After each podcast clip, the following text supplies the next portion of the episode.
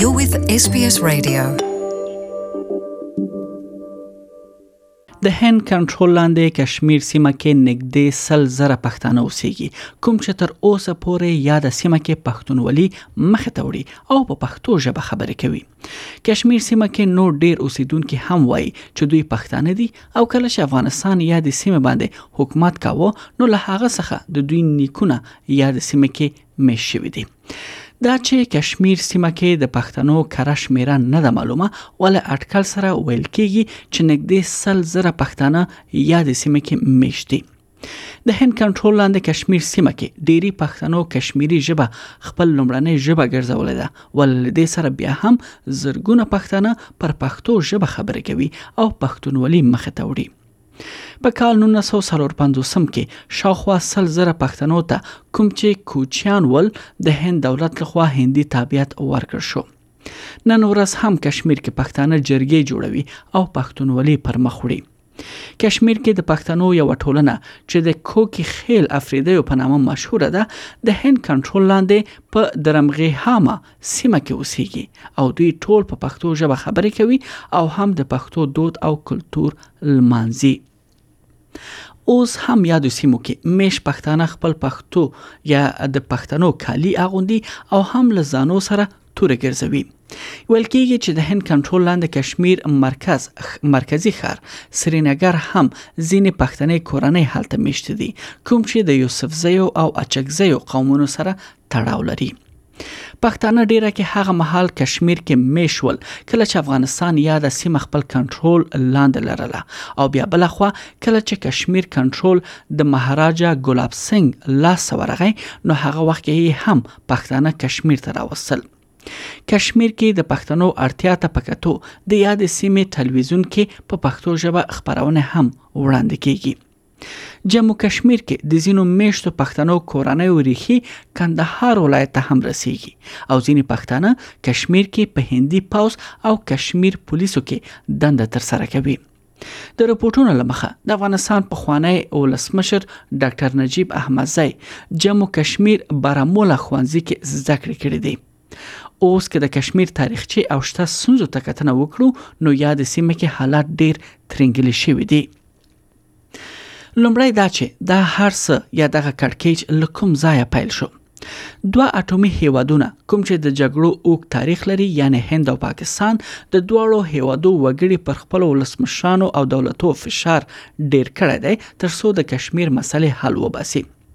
واورې باندې پوښل شو غرنۍ سیمه د دوو هیوادو نظامیانو لخوا له اویا کلونو راهیسې تر کنټرول لاندې ده په دې وروستیو څو ورځو کې داسې اټکل کېده چې د پاکستان او هند ترمنځ به جګړه پیل شي څو موده وړاندې هندي او پاکستاني جیټ الوتکو دواړو له لوري تر یعنی پر یو بر باندې بریدونه وشول او ډیره کې دغه لانجمن پولې تر سیرمه دغه بریدونه تر سره شول له یادو بریدونو او کړکېچ وروسته د هند هیواد یو بې ساري ګام پورته کړ او خپل کنټرول لاندې کشمیر سیمه څخه د هغوی اداري ازادي واخیستله او یاد سیمه خپل مرکزی حکومت سره یو ځای کړه هند وایي چې دا کار یې ځکه وکړ چې یادې سیمې پرمختګ کې به دا ګام ګټور ثابت شي د هندوانو ځواکمن هندي حکومت له تیر دوشنبه راهیسې په کشمیر کې پوځیانو په مرسته ټول ښار تړلی دی او پر غونډو او مخابراتي خدماتو یې بندیز لګولی دی د هند حکومت نوي اعلان وروسته سلګونه کشمیریانو د هند حکومت نوې اعلان وروسته سلګونه کشمیریان نیول شوې دي او ځینو سیمو کې د مظاهرو خبر هم ورکړ شوی دی پاکستان د هند پاکستان د هند هیواد دا ګام غندلی دی او ویلي دي چې هند دا کار د نړیوالو قوانینو خلاف کړی دی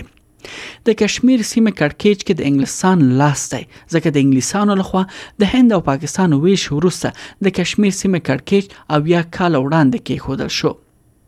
کله چې انګلستان هند کې خپل مستعمره ختم کړه نو 1940م کال کې دا پریکړه وکړه تر څو پاکستان چې ډیره کې د مسلمانانو اوسېدو سیمه و له هند څخه چې ډیره کې هندوانو اوسېدو سیمه و له بل سره جلا کړي هغه وخت کې بنگله دیش د پاکستان برخه وه ول بیا 1901 یو او یوم کال کې بنگله دیش هم له پاکستان سره خپل ازادي واخیستله د هند او پاکستان ویش وروسته مذهبي شخړو زور واخیست او تاوتریخوالو د سلهاو زرو کسانو ژوند واخیست